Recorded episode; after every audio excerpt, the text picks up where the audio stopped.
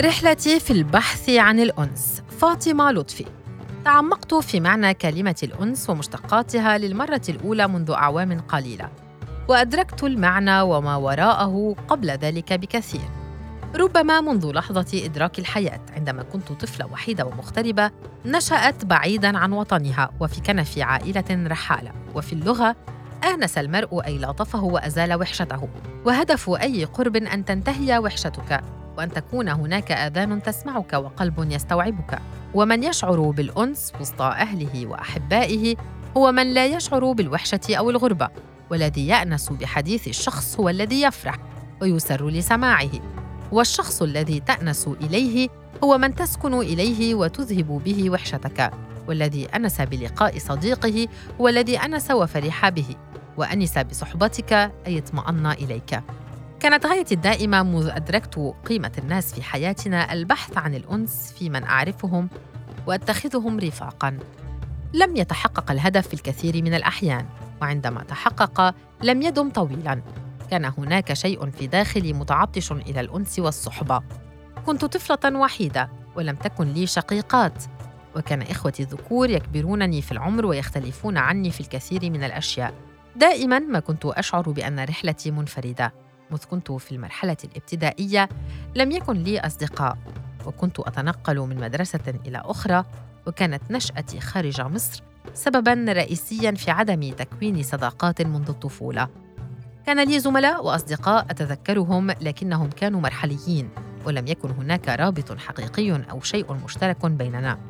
بعد عودتي إلى مصر شرعت في البحث عن أصدقاء أشاركهم ما أحب وأفكاري وأحلامي. وفي المقام الأول رفاق أستأنس بصحبتهم وتزال بحضورهم الوحشة التي تملكت قلبي منذ الصغر.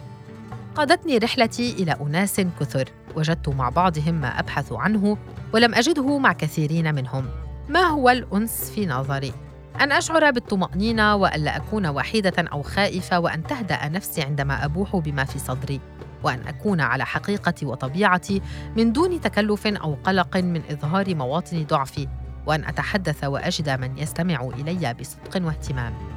لم أجد من يستمع إلي بسهولة. دائما أشعر أن لدي الكثير ليقال. كانت رحلتي إلى دور السينما رحلة للبحث عن الأنس. مذ جئت إلى القاهرة بات الذهاب إلى دور السينما غير المكتظه موعدا شبه يومي لي مع المخرجين المفضلين بالنسبة إلي. كنت أختار الجلوس في المقعد الأخير خجلة من كوني وحيدة. كنت أنتهي من المشاهدة وأخرج على الفور حتى قبل أن يعاد تشغيل الأنوار مرة أخرى. عندما كان يسألني أحد أين كنت كنت أقول في موعد مع صديق. ولم أكذب في ذلك. كان الأمر كذلك بالنسبة إلي. إذ أنشأت صداقة مع السينما منحتني الكثير مما أحتاج إليه. قبل بدء رحلتي الصحافية عملت معلمة للغة الإنجليزية وهي مهنة لم أحبها ولم أكرهها ولم ترضني يوما أو تشبع شغفي بالحياة. عملت فيها قرابة عام وفي إحدى أيام العمل العصيبة خرجت غاضبة ويائسة من المدرسة ومحملة بثقل رغبت في وضعه عند أي شخص. اخترت فردا من العائلة للبوح له عما في داخلي. لكنني لم أجد التفهم الذي كنت أبحث عنه وزادني الحديث معه غربة إذا التزمت الصمت ورفضت أن ينتهي يومي بهذا السوء. توجهت إلى مكتبة الإسكندرية مساء لحضور حفلة موسيقية وحدي للمرة الأولى ولم تكن الأخيرة. هناك كان الجميع مصحوبين وكنت أنا وحيدة. لم أكترث لنظرات الدهشة واخترت مقعدي وابتسمت. كيف للموسيقى أن تجعلنا سعداء أو على الأقل أقل حزنا بهذا الشكل؟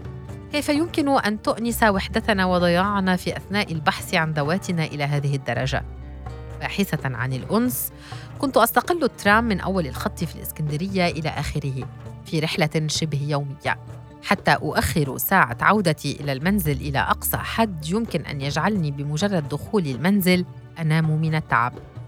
كنت أنظر من نافذتي للترام وأستكشف الطريق في كل مرة وكأنها المرة الأولى وأنظر إلى الآخرين من حولي وكيف لهم دائما محطة تنتهي عند رحلتهم.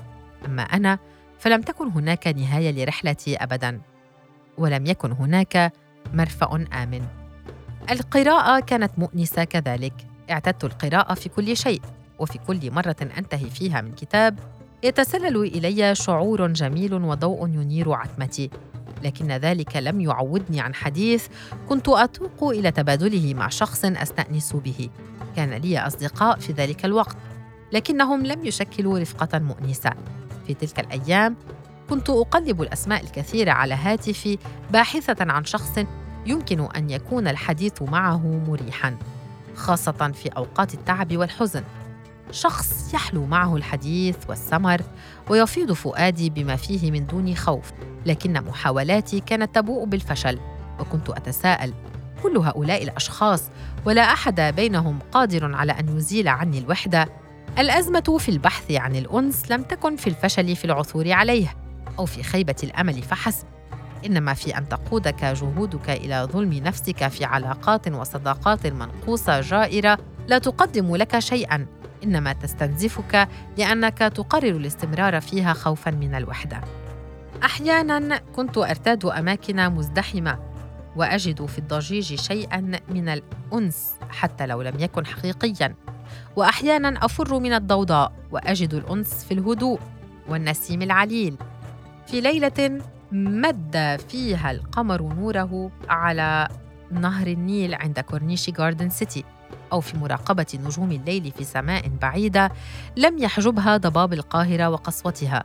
ولكن بالرغم من احتياجي إلى الأنس لم أستجده أبدا من أحد. الكتابة كانت ملجأ آمنا. في كل مرة أعود فيها إلى كتاباتي منذ المرحلة الإعدادية. وما بعدها أندهش فعلا. كيف حملت كل هذا الثقل في جعبة حكاياتي كل هذه السنوات؟ وكيف بدأت رحلة البحث عن الأنس منذ كنت صغيرة إلى هذا الحد.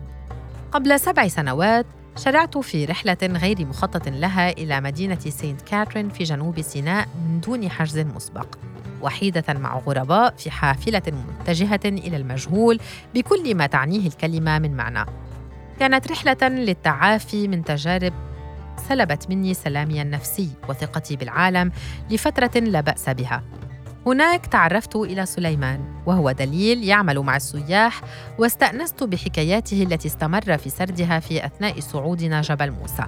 وهناك تعرفت إلى شقيقاته وأمه وتناولت الغداء معهم في بيتهم الذي كان طيبا ودافئا ومؤنسا.